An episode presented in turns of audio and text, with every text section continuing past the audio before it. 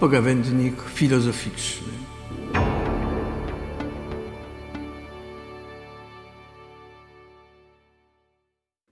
W swoim rozumie w zdrowym rozsądku na początku XX wieku, dokonując przeglądu dorobku europejskiego oświecenia, George Santayana w następujący sposób podsumowywał osiągnięcia ówczesnych filozofów.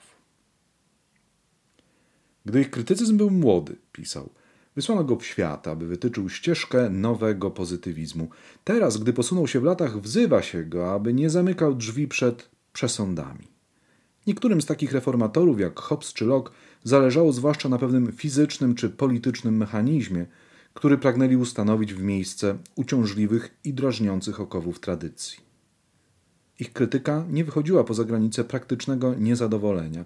Nie dbali o to, aby zapytać, jak to się stało, że wiara w materię, przestrzeń, ruch, Boga, wiara we wszystko inne, w co jeszcze mogli wierzyć, mogła się utrzymać w obliczu psychologii, która, jak to sobie wyobrażali, dała sobie radę z esencjami realnymi. Berkeley, którego dążenia skierowane były gdzie indziej, posłużył się tą samą krytyczną metodą po to, aby bronić innego dogmatyzmu. Uzbrojony w tradycyjną pietystyczną koncepcję opatrzności, z lekkim sercem podjął się zburzenia całego gmachu wzniesionego przez rozum i naukę na postrzeżeniu przestrzennym. Pragnął, aby w obliczu natury świecki intelekt nawrócił się na pobożne głupstwo, aby rozważania nad jej historią i prawami nie rodziły matematycznych ateistów, aby świat zewnętrzny sprowadzony został w ten sposób do zmysłowego pozoru, a bezpośrednie odczucie straciło na wyraźności. Dzięki temu inteligencja i praktyczna wiara mogły bez przeszkód zajmować się chrześcijańską mitologią. Ponad dwustuletni dystans dzielący tę wydaną w 1906 roku książkę od opisywanych przemian w filozofii sprawia, że ich obraz zdążył się już wykrystalizować na tyle, że można było pokusić się o oferowanie ogólnych wyroków. W wielu punktach Santayana trafia w sedno, dobrze rozpoznając znaczenie dyskusji między Kartezjuszem, Newtonem czy Berkeleyem. Trafnie też rekonstruował szczegóły dawnych sporów. Celnie podsumowywał racjonalny krytycyzm, którego hasła widniały na sztandarach nowej filozofii, a którego cele były często praktyczne. Podsuwały stabilne i bardziej sprawiedliwe rozstrzygnięcia polityczne, czy uzasadniały rodzący się wówczas nowy model nauk przyrodniczych. Czy jednak rzeczywiście ów krytycyzm wiódł niekiedy do zastąpienia świeckiego intelektu pobożnym głupstwem? Czy ostrze krytycyzmu miałoby obracać się przeciwko ludzkiemu rozumowi, aby ten mógł już, nienękany wątpliwościami, zajmować się chrześcijańską mitologią? Ujmijmy rzecz szerzej. Czy niektórzy filozofowie czynili z racjonalności ledwie emblemat, którego rola sprowadzała się do pozytywnego waloryzowania własnych osiągnięć, a choćby i milcząco przyjmowanych przeświadczeń. Pytanie o istotę ludzkiego rozumu, pytanie o zakres jego funkcjonowania, warto zadać jeszcze z jednego powodu. Otóż, zgodnie z przytoczonym odczytaniem, irlandzki filozof Berkeley jest przedstawicielem ciągu myślowego określonego tu jako krytyczna psychologia, która miałaby wywodzić się od Hobbesa i Locke'a i być kontynuowana przez kolejnych myślicieli. Każe to zapytać o jednorodność owego motywu, o to, czy podkreślenie roli owego racjonalnego krytycyzmu nie zaciemnia może szczegółów opisu funkcjonowania ludzkiego rozumu. A przecież w swojej ocenie Santayana nie był osamotniony. W podobny sposób czołowych brytyjskich empirystów traktowali w swym pojmowaniu historii filozofii tacy myśliciele jak chociażby Hegel czy współcześnie Etienne Gilson. Przedstawiony obraz, nawet jeśli celny, wydaje się nazbyt skrótowy, Dlatego musimy osobno przyjrzeć się trzem różnym obrazom ludzkiej rozumności, naszkicowanym przez myślicieli, których historia nie bez powodu uznała za kluczowych dla brytyjskiego oświecenia. Naszymi bohaterami są dziś najwięksi podręcznikowi filozofowie tamtego okresu: John Locke, George Berkeley i David Hume. Słowa naszkicowanych używam tu nie bez powodu, bowiem przez całe swe życie dopracowywali oni szczegóły swych osiągnięć. Filozofię zaś traktowali jako rodzaj wstępu, podwalin, na których można będzie wznieść nie tylko kunsztowny gmach wiedzy, ale także szereg budynków użyteczności publicznej. Zacznijmy od Locke. Psychologiczny, odsyłający do bezpośredniego ludzkiego doświadczenia punkt wyjścia jego rozważań dotyczących rozumu ludzkiego. A za nimi tradycji późniejszej, sprawia, że w brytyjskim empiryzmie ludzki rozum zjawia się w dwóch aspektach. Gdy Locke stwierdza na samym początku dzieła, że wierzy, iż uzyska zgodę na to, że takie idee jak te, z którymi ma do czynienia, jego własny rozum, są również w umysłach innych ludzi, zdradza, że punktem wyjścia jest doświadczenie indywidualne, zaś przedmiotem jego dociekań staje się próba odpowiedzi na pytanie o to, w jaki sposób to, co osobiste, co indywidualne, może stać się podstawą powszechnie obowiązującej wiedzy. Stąd ludzka rozumność pojmowana jest w aspekcie indywidualnym. To rozumność pojedynczych osób, nierzadko w różny sposób niedoskonała, ale też jako rozumność ogólnoludzka, efekt zbiorowego wysiłku badaczy. Dlatego też, gdy Locke pisze o wiedzy, ma na myśli zarówno indywidualne poznanie, jak i jego efekt, obiektywnie istniejącą wiedzę. Stąd chociaż prawdą jest, że zarówno jego pisma, jak i dzieła kontynuatorów jego myśli stanowią rodzaj pamiętnika, w którym de facto można odnaleźć historię ich własnego, indywidualnego rozumu, to prawdą jest także, że ów pamiętnik przekształca się zawsze w podręcznik filozofii. Spisany rękoma Loka ów podręcznik miał określać źródło, pewność i granice poznania ludzkiego oraz stopnie wierzeń, mniemań i przeświadczeń. Jak zatem wygląda realizacja owych zamierzeń, której miały służyć lokowskie rozważania? Okazało się, że wiedza pewna, a nie jedynie prawdopodobna, jest dość ograniczona. To jedynie matematyka i postulatywnie etyka. W przeciwieństwie do jednoznaczności pojęć matematycznych, złożoność pojęć moralnych sprawia jednak, że ich definiowanie jest dużo trudniejsze. Pojęciom tym daleko, często do ostrości. Powodem kłopotów i tego, że wiedza ma charakter jedynie postulatywny w etyce, jest nie tylko nieostrość pojęć, ale także ich podatność na celowe zniekształcenie. Mniejsza bowiem, czym jest sama sprawiedliwość. Dużo trudniej o sprawiedliwe rozstrzygnięcie jakiejś praktycznej kwestii. Ba, Zbyt często ludzie wolą, aby racja była po ich stronie, a rozum służy im po to jedynie, aby nim szermować w jej obronie.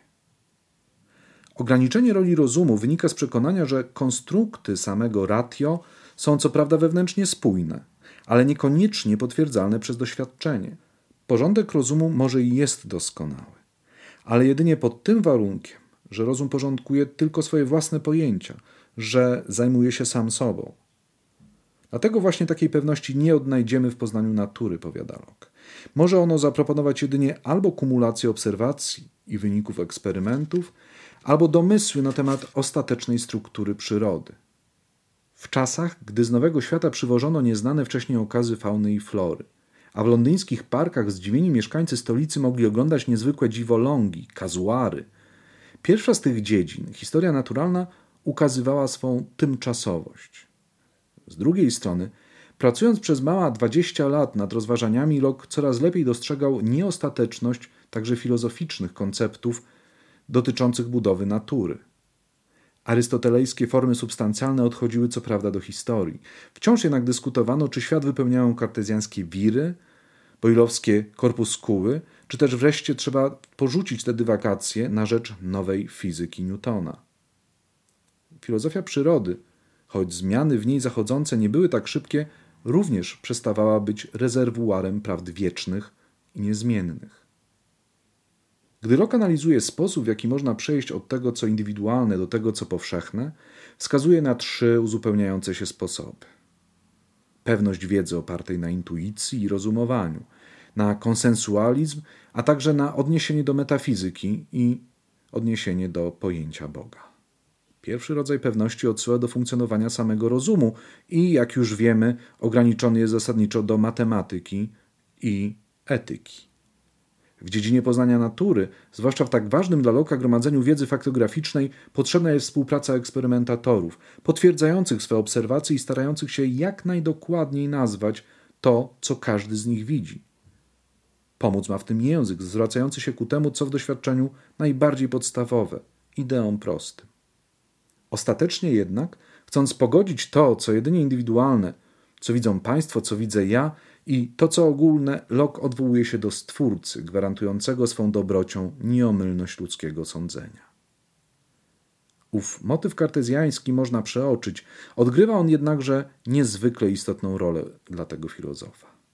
W rozważaniach jest bodaj jedno miejsce, w którym dochodzi on do głosu, gdy Locke dopytuje o stosunek poznania ilościowego i jakościowego, a więc z nieco innej perspektywy, o stosunek hipotezy korpuskularnej, która wiodła do ilościowego modelu natury i osobistego doświadczenia eksperymentatora, obserwatora czy wreszcie każdego człowieka, pisze, że, cytuję, nie jesteśmy w stanie wykryć pomiędzy nimi jakiegoś naturalnego związku.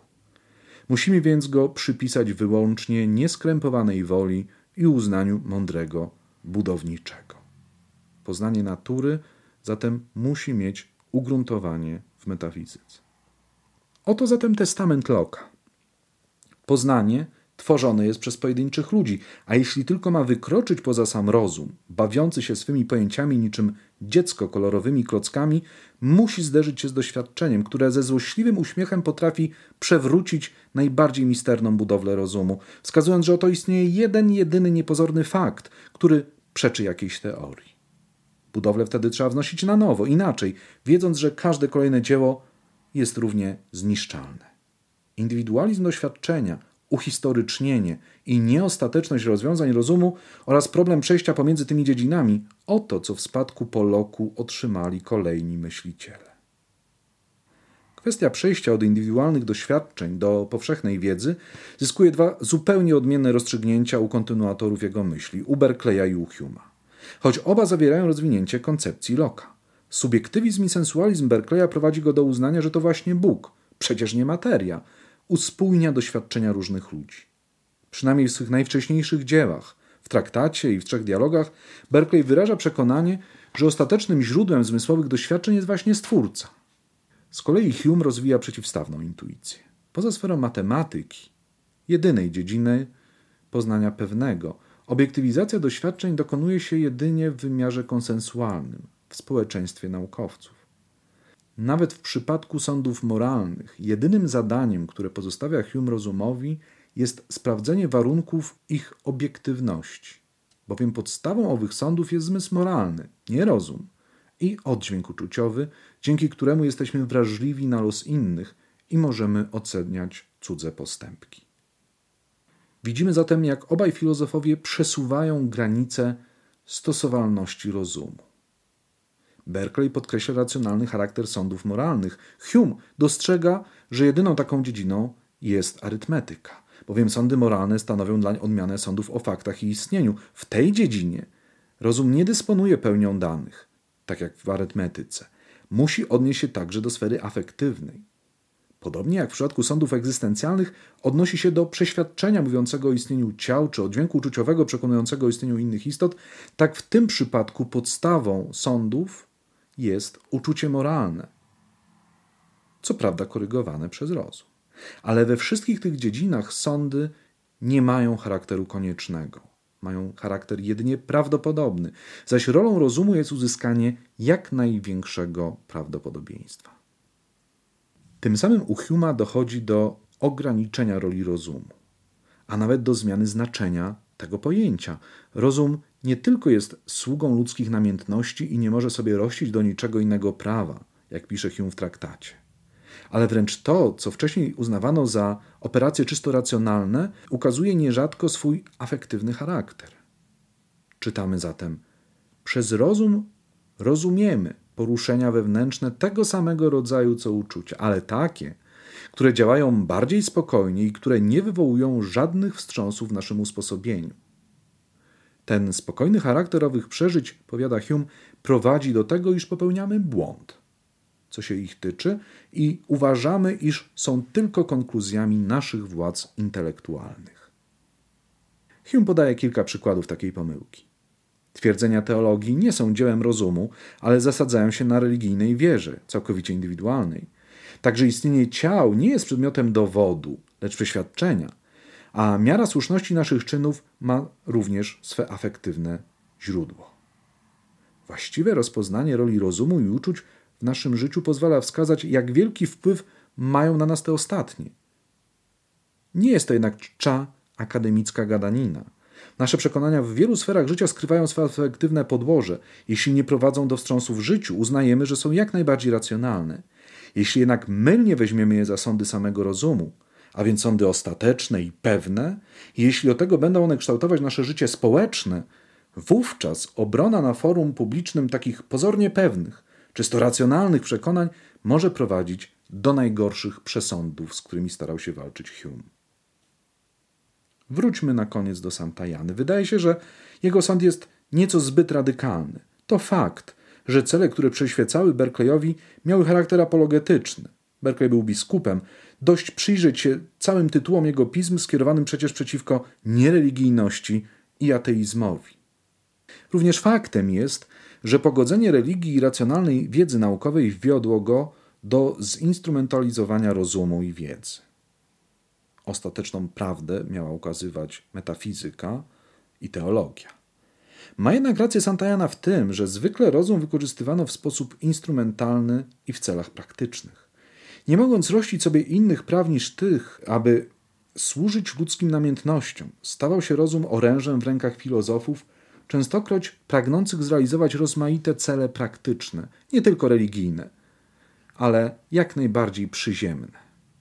Czy bowiem filozofia polityki Locke'a jest czysto teoretycznym konstruktem, czy też pochwałą angielskiego kolonializmu? Czy religijność Berkeleya jest jedynie obroną egzystencjalnego sensu ludzkiego istnienia w obliczu postępującego zeświadczenia, czy też oprócz tego wyrazem gospodarczego protekcjonizmu mniejszości anglikańskiej w katolickiej Irlandii, a także obroną interesów Anglii w Nowym Świecie? jakże interesującą lekturą są mniej znane dzieła klasyków. Owo sięganie po rozumność jako broń w prowadzonych sporach to opowieść na inny odcinek pogawędnika. Przywołana na wstępie opinia Santajany wskazuje na instrumentalizację rozumu i upraktycznienie go. Wskazuje na sięganie poń po to, by bronić spraw praktycznych, które wydawały się i wydają tak słuszne. I chyba trzeba było dopiero chłodnego, sceptycznego umysłu Huma, który ową codzienną podległość rozumu ludzkim namiętnościom jasno ukazał.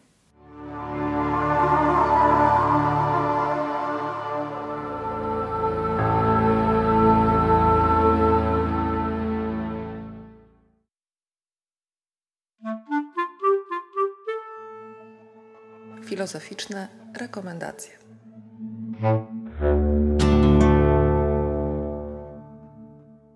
inauguracyjnym mini odcinku. Książeczka malutka, ale bardzo zadziorna. Harry Frankfurt o wciskaniu kitu.